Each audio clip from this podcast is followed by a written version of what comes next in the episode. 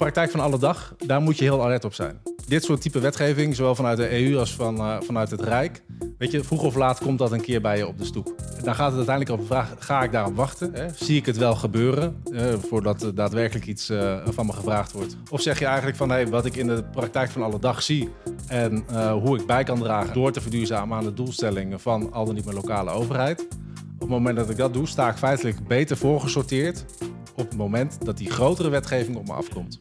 Ben jij als ondernemer op zoek naar manieren om je bedrijf winstgevend te verduurzamen? In deze podcast bespreken we praktische tips en inzichten om winstgevend duurzame maatregelen te nemen. Schommelende energieprijzen, veel eisende wet en regelgeving. Je kan als ondernemer wel wat handvatten gebruiken. Die krijg je in deze podcast. Luister mee en ontdek hoe je regie pakt op je zakelijke energiehuishouding. Je luistert naar de podcast Winstgevend Verduurzamen. Vandaag duiken we in duurzaamheidsbeleid. Wat komt er op de ondernemers af? Waar liggen de kansen? Waar liggen de uitdagingen? Normaal altijd twee experts aan tafel, maar vandaag hebben wij meer dan voldoende met één expert. Want wij hebben hier Wouter Kamp, adviseur bij Bureau Wouter, van harte welkom. Hartelijk dank. Uh, even de introductie iets breder doen. Uh, wat doe jij bij Bureau Ja, ik ben daar uh, adviseur. en dat betekent vrijgesproken dat ik op allerlei verschillende projecten inzetbaar ben. Uh, op dit moment is dat onder andere voor de provincie Overijssel en voor de provincie Gelderland, uh, waarin ik met solar carports bezig ben of met uh, hernieuwbare bronnen als een soort overkoepelend thema en participatie. Maar ook wat concreter bij gemeenten, waarin we duurzaamheidskaders uitwerken, waarin we de kaders voor grootschalige energieopwek, waarin we plannen maken voor uh, hoe ga je zon op dak uh, concreet toepassen vanuit, uh, vanuit gemeentelijk perspectief. Een aanpak bedrijventerreinen. Het zijn allemaal thema's waar ik me mee bezig houd. Ja, dus brede kennis over duurzaamheidsbeleid. Ja. Nu weet ik dat er bij het woord duurzaamheidsbeleid een risico zit dat mensen denken, komen er nu weer nieuwe dingen op me af? Gaat de boel weer veranderen? Maar laten we dit gesprek beginnen met Europees en in Nederland hebben we een heleboel afspraken al gemaakt. Daar verandert niks aan. Die daar duiken we zo even in. Maar er is steeds meer uitvoer op dat beleid. Dus dit gaat vooral over wat kun je als MKB regionaal met de provincie, met je lokale overheid en hoe zorg je dat je sterk blijft staan. Dat is het idee, toch? Ja. Ja, nee, precies wat je zegt. Je, uh, het, het, Europese en het Nederlandse beleid staat al een tijdje. Ja. Uh, dat gaat over 55% CO2-reductie in 2030. Uh, en je ziet dat provinciën en de gemeenten steeds beter in beeld krijgen. Hey, wat moeten wij dan doen om dat te bereiken. Yes, en waar dat eerst misschien nog als een vaag ver weg iets dan voelde, wat gaat er allemaal op me afkomen, hebben we hele mooie voorbeelden waar juist de ondernemers, de MKB's samenkomen en zorgen dat die doelen gerealiseerd worden, die bedrijven veel efficiënter werken en je uiteindelijk ook nog groener bent, toch? Ja, absoluut. Ja. Ja, ik kan er eigenlijk wel direct twee voorbeelden van geven. Brandlos. Nou, ik uh, woon zelf in de gemeente Epe. En daar zie je eigenlijk dat uh, de energiecoöperatie en LTO hebben gezegd... wij willen graag agrariërs helpen. Uh, agrarische ondernemers. Nou, we zeggen we gaan kijken naar zon op dak. We gaan kijken naar al dan niet uh, een kleine windmolen. Uh, en wat we ook willen doen, is dat we de stroom die daar opgewekt wordt, ook meteen proberen lokaal te vermarkten. Mm -hmm. Dan komt dus in één keer bij een boer komen dus en een energiecoöperatie en LTO op de stoep. Terwijl dat voorheen vooral de, de installateurs en de ontwikkelaars waren.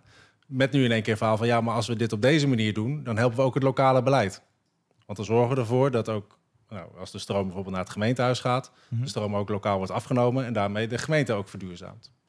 Ander voorbeeld is uh, de gemeente Renen, um, een bedrijventerrein. Die zijn, uh, kort geleden zijn ze met elkaar begonnen en hebben ze gezegd van hey, wat moeten we doen om het congestievraagstuk aan te vliegen? Um, nou, dan zie je dat een gemeente in één keer in beeld komt bij de ondernemer, omdat die eerst hield hij zich daar niet zo mee bezig.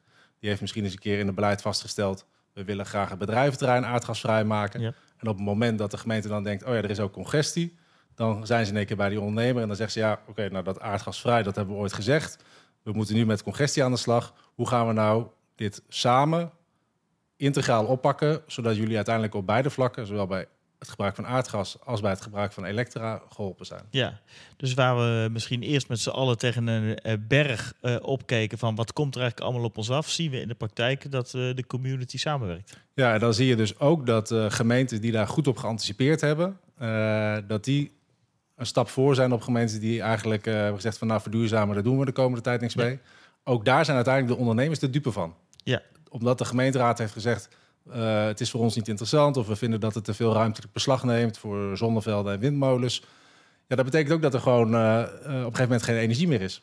Nee, dus als je nu zit te luisteren en je denkt, ik weet eigenlijk niet met wie ik mijn bedrijventerrein deel, ik weet niet welke wethouder er verantwoordelijk is voor energie, dan is het advies, pak je fiets, en maak het rondje. Ga er absoluut langs en zorg dat je met elkaar eh, in gesprek raakt over wat het toekomstperspectief van het bedrijventerrein is. En daarmee dus ook dat je een beter beeld krijgt van je eigen bedrijfsvoering. Ja. Um, als ik het perspectief van de gemiddelde MKB'er pak, uh, beleid is mooi, maar ik wil ook vooral mijn tent eigenlijk gewoon draaien en dat liever dit jaar nog iets beter doen. Misschien iets groener, iets neutraler dan het jaar daarvoor. Uh, kunnen we daar eens in vogelvlucht doorheen gaan? Wat zit er nou in dat nieuwe beleid, in die nieuwe uitdagingen? Waar zitten de kansen voor de ondernemer? Ja, dat is een goede vraag. Kijk, heel veel beleid is eigenlijk niet nieuw. Uh, en heel veel beleid ligt er al. Wat je eigenlijk ziet qua op hoofdlijnen, zowel vanuit Europa als vanuit Nederland, is dat het eigenlijk steeds een stap concreter wordt genomen om het beleid uh, nou, effect te laten hebben. Ja. En dat betekent uiteindelijk iets voor die specifieke ondernemer. Want die gaat dat vroeg of laat gaat hij dat merken. Ja, dus we hebben al uh, jaren geleden afspraken gemaakt. Er is heel veel uh, uh, beleid op het gebied van duurzaamheid. Maar wat we dus nu zien, is per week, maand, jaar, gevoelsmatig soms, zijn er nieuwe uitvoeringen bij die implicaties hebben voor de voering van je bedrijf. Ja, een heel goed voorbeeld is bijvoorbeeld de energiebesparingsplicht. Die bestaat al geruime tijd. Wat is dat precies? dat is de opdracht aan bedrijven die meer dan 50.000 kilowattuur of 25.000 kubieke meter gas gebruiken. Ja. Uh, om uiteindelijk maatregelen te treffen die helpen om het energiegebruik te besparen. Ja. En... Die bestaat al heel lang. Ja.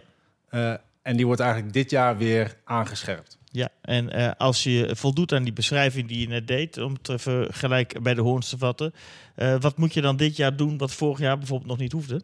Nou, wat bijvoorbeeld een voorbeeld is in de verandering.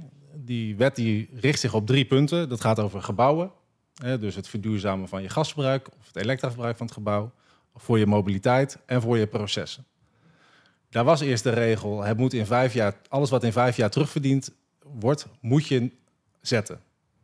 Ondertussen is die gewijzigd naar het moet in vier jaar zijn. Dus dat is in die zin een verbetering voor de ondernemer. Want alleen de dingen die echt lucratief zijn, uh, daar wordt nu op gestuurd. Mm -hmm. Dat zou je een verruiming kunnen zien. Tegelijkertijd is het beleid, de visie vanuit het beleid is, juist door het meer concreet te maken, helpen we ook de ondernemer om de stappen te zetten die het meest effectief zijn. Ja.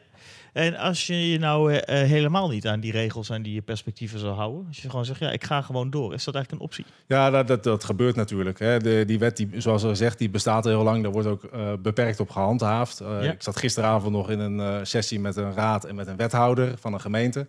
En dan wordt er gezegd, hey, moeten we die wet niet gaan handhaven? Mm -hmm. En dan lacht de wethouder het eigenlijk nog een beetje weg. Ja. Dus je zegt dan, ik ga mijn handen hier niet aan branden. Tegelijkertijd, op inhoud, is er niks mis met die wet. Nee, want wat, waarom is die op inhoud zo goed? Of wat is er goed aan? Omdat het helpt om een ondernemer uh, besparingsmaatregelen te laten treffen. Mm. En die besparingsmaatregelen zorgen uiteindelijk voor een lagere energierekening. Ja. Uh, en die zorgen voor een betere energiehuishouding. Ja, dus uh, in, in, principe een, een, goede wet, goede regelgeving. Maar ik kan me voorstellen, ook als je het verhaal wat jij nu al verteld hoort... en je zit helemaal niet in deze hoek voelt het altijd als veel werk en als een verandering van je organisatie. Wat is dan stap 1 bij zoiets bijvoorbeeld? Ja.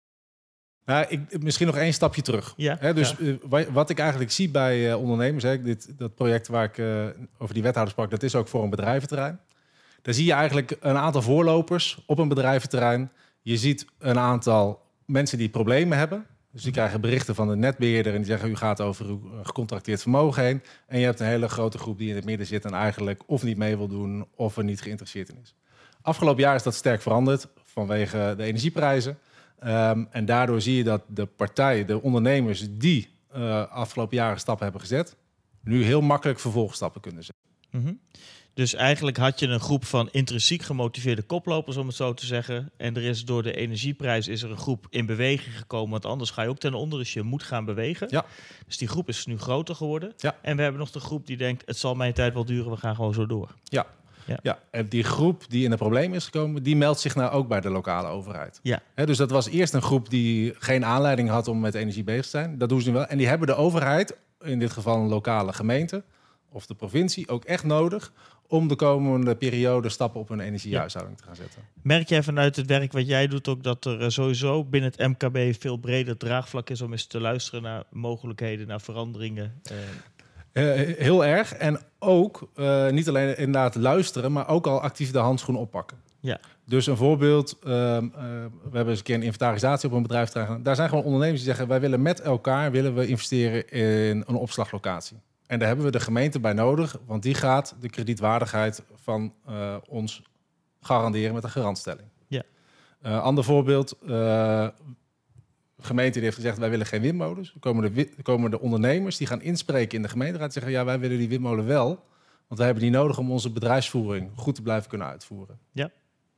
We hebben in de uh, vorige podcast ook al besproken dat in verduurzaming, uh, helemaal als je er samen optrekt, enorm veel kansen liggen om zelf weer regie te voeren. Dan zou Ja. je, kun je bijna de energiemaatschappijen en de lokale overheid uh, vol, volgen dan de ondernemer eigenlijk.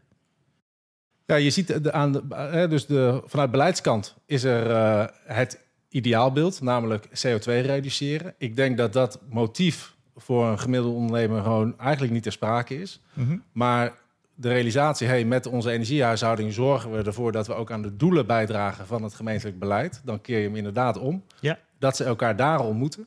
Uh, en dat die partijen veel aan elkaar kunnen hebben de komende, Ja. komende jaren. Um, ik wil nog wel een andere hoek van het beleid. Maar laten we even vaststellen, dat is interessant, dat uh, door de energiecrisis eigenlijk veel meer mensen in beweging zijn gekomen die daar nog niet mee bezig waren. Ik kan me ook voorstellen als je nu luistert dat dat uh, ook het moment is om dan eens advies links of rechts in te winnen. Want veel ondernemers bewegen op dit moment, begrijp ik. Ja, ja. ja. En wat zijn er uh, nog andere uh, wet, wet en regelgeving die misschien al oud is, maar nu andere impact heeft dan een poos geleden? Nou, ik, ik, om het heel concreet te maken eh, in de beleefwereld van de ondernemer. Wat je nu ziet, um, dat is niet zozeer wet en regelgeving, maar dat is wel uitvoeringsbeleid. Ja. Is op en jij noemde het net al, hè, ondernemers zoeken elkaar op. Vanwege de congestie is de gemeente en zijn de provincies heel erg bezig met energy hubs. Ja, dus de congestie, even voor de luisteraar die dan niet weet, dat energienetwerk raakt overbelast, een soort file op dat netwerk heeft allerhande problemen. Je kan je bedrijf misschien niet laten groeien, misschien geen nieuwe aansluitingen krijgen. En dan moet je eigenlijk in, in die, je ecologie-systeempje oplossen. Gemeente, ja. overheid. Ja. ja. Ja. En het is dus geen harde wet, maar tegelijkertijd wel de uitvoeringspraktijk. De netbeheerder, die eigenlijk een soort van onafhankelijke rol in deze heeft. Hè, die, zij sturen niet op beleid. Die, zegt, die stelt wel een voorwaarde. Die zegt, als wij met een energy hub aan de slag willen... dan willen we twee dingen. Namelijk dat de gegevens van het bedrijfsterrein uh, inzichtelijk zijn. Zodat wij daar uh, mee kunnen rekenen en uh, dat door kunnen lezen.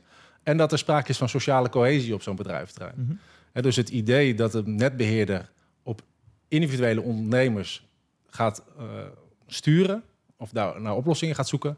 dat gaat gewoon niet lukken. Daar hebben ze te weinig capaciteit voor. Dus per bedrijventerrein, samen aan de slag met de gegevens uh, die er op dat moment zijn. En dat zorgt er dus voor dat je als ondernemer uh, letterlijk naar je buurman moet stappen om te zeggen: hey, uh, zullen wij met elkaar naar die netbeheerder stappen? Ja.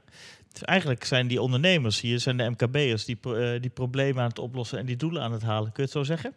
Uh, het is inderdaad uh, een verantwoordelijkheid van netbeheerder om die leveringszekerheid af te uh, dwingen. Dat lukt ze niet vanwege nee. de congestie. Uh, en tegelijkertijd uh, uh, is er wel ruimte op een net, maar heb je daar die individuele ondernemers voor nodig. Dus het is niet zo dat de ondernemers het oplossen, ja. maar die, staan wel, die hebben wel de cruciale assets in handen om de volgende stap in de energietransitie te zetten. Ja, en als je nou hier naar luistert en je denkt, joh, ik zit op zo'n bedrijventerrein, we hebben dit probleem voor de voeten liggen, maar we zijn nog niet bij wat jij schetst. Wat, wat is dan stap 1?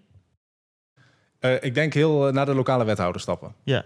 Hè, dus zowel provincies als gemeenten hebben op dit moment middelen uh, om een bedrijfterrein aanpak te faciliteren. Dat betekent vaak dat ze een projectleider in kunnen zetten en dat die projectleider eigenlijk dat rondje langs al die ondernemers op zo'n bedrijfterrein gaat doen. Ja, dus uh, samenwerken naar je lokale overheid. Ik zie dat je een aantal richtingen en be beleidsthema's bij je hebt. K kunnen we switchen naar een andere terrein? Waar zitten nog meer kansen en uitdagingen de komende tijd? Nou, wat, wat het langere termijn perspectief, en dan ga ik echt helemaal naar het, het grotere plaatje waar ja, de gemiddelde ondernemers niks, niks meer heeft. Dat is uiteindelijk Europa. Ja. En Europa als, als wetgever, die heeft gewoon in hun uh, akkoorden staan dat ze het ook willen aanscherpen. Hè? Dus ze hebben daar drie, de, de Europese Unie Klimaatwet hebben ze daarvoor ja. liggen.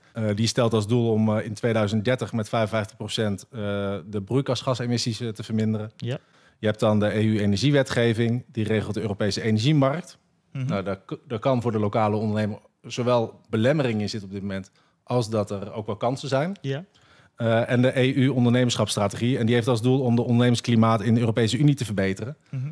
Maar daar is natuurlijk duurzame energie een heel belangrijk voorwaarde voor om dat te kunnen faciliteren. Maar je zegt al dat uh, Europa voelt voor de gemiddelde MKB misschien ver weg. Uh, daar wordt wel een groot deel van het beleid en je speelveld bepaald. wat is dan wijsheid? Ja, ik, ik, de praktijk van alle dag, daar moet je heel alert op zijn. Mm dus ik, ik zie dit soort type wetgeving, zowel vanuit de EU als van, vanuit het Rijk.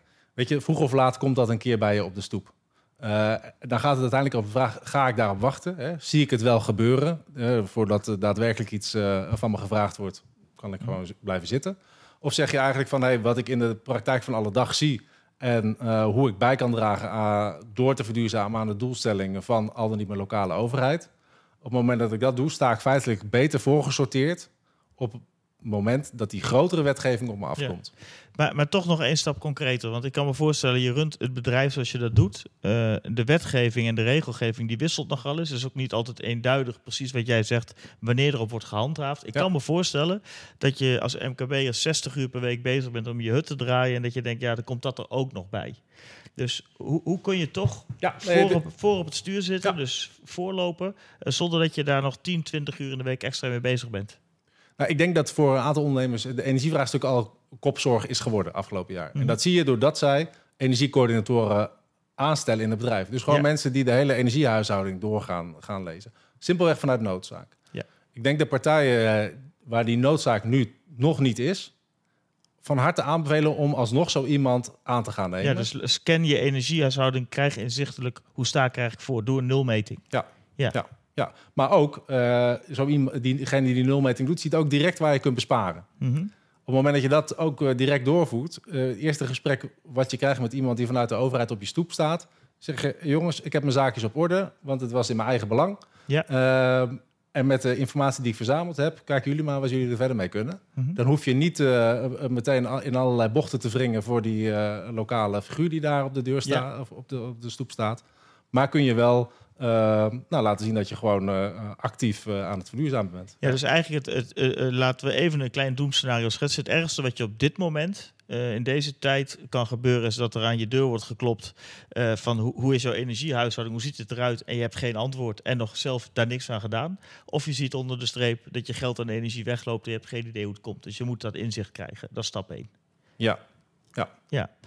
Um, waar zitten uh, misschien een, gewoon een lastige vraag zo, maar waar zitten in jouw ogen de, de grootste kansen uh, met, met, dat beleid? Je hebt hier een aantal stukken liggen. Waar zit nou de grootste kans voor ondernemers? Nou, wat ik, als het gaat over specifiek een kans in de samenwerking met andere ondernemers, is kijken hoe kunnen we energieopwek op of rondom ons bedrijventerrein met elkaar organiseren. Mhm. Die energie ook opslaan en met die opgeslagen energie op de momenten dat het nodig is, onze mobiliteit de elektrificatie van de mobiliteit, hoe kunnen we dan uh, die energie daarvoor aanwenden? Ja. En waarom zeg ik dit specifiek? Um, omdat het eigenlijk ook van de zotte is dat elk bedrijf straks een enorme laad, in, laad infrastructuur op zijn eigen bedrijventerrein heeft, yeah. die je niet constant aan het gebruiken bent, waardoor ook allerlei duurzame opwek die je wellicht op je dak hebt aan het wegstromen is. En op het moment dat je dat centraal verzamelt en als ondernemer zegt, hey, dat, dat hebben we met elkaar in de hand, mm -hmm. dan kun je daarmee een, een eh, enorme slag slaan op en je elektrificatie en het ook goedkoop houden. Ja, en um, nou ben je deze podcast misschien aan het luisteren in de auto of thuis op kantoor. En uh, ik wil niet cynisch worden, maar dan moet ik toch denken aan hoe het met consumenten is gegaan. Die zonnepanelen plaatsen, je, je regelt de boel, je hebt veel energie en dan veranderen de spelregels. Nou verwacht ik niet van jou dat je zegt dat zal niet gebeuren, maar hoe, hoe zeker is dit beleid wat gemaakt is en kun je er echt op varen als ondernemer? Nou, eh, dat zijn dus twee punten. Hè. Dus het beleid en de wet en regelgeving, dat staat wel vast. En dat gaat gewoon naar CO2-reductie. Dus hoe je het went of verkeerd... Daar komen, dat gaan we doen, punt. precies. Ja. De vraag is natuurlijk in welk tempo en met welke middelen. Ja. Um, en juist in dit tijdsvak is er best wel veel onbekend over congestie. Ja. Maar is er wel vrij snel bekend wat oplossingen voor congestie zijn. Ja. En op het moment dat je als en dat voorbeeld van die mobiliteit en dat met uh, een laadpaal en met een accuopslag dat combineren, dat is nou typisch zo'n voorbeeld waarvan uh, de netbeheerder zegt gewoon dat gaat ons helpen. Ja. Dus of je dat nou uh, zeg maar, daar hoef je niet over in te zitten dat je een risico loopt van oh dat over tien jaar is dat allemaal waardeloos. Mm -hmm. Sterker nog, op het moment dat je dat dus met elkaar gaat doen, dan help je de netbeheerder ook weer meer dan dat elk bedrijf zijn eigen laadpalen moet gaan zetten. Ja, dan uh, voorkomen we dat, uh, dat probleem. Ja.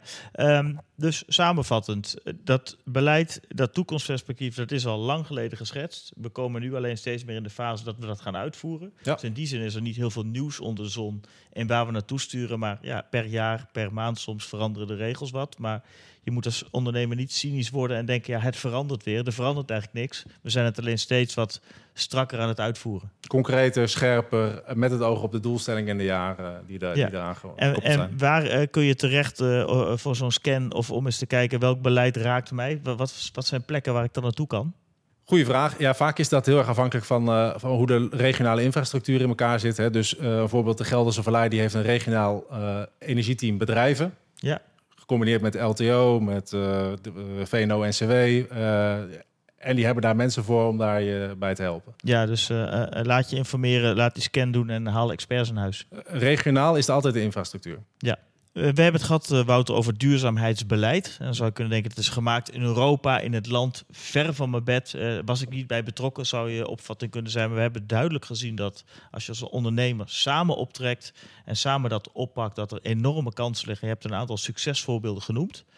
En mocht je nu op een bedrijventerrein of in een regio zitten waar je het gevoel hebt dat je nog alleen bent, hoe stap je naar die overheid en hoe sla je die handen in één?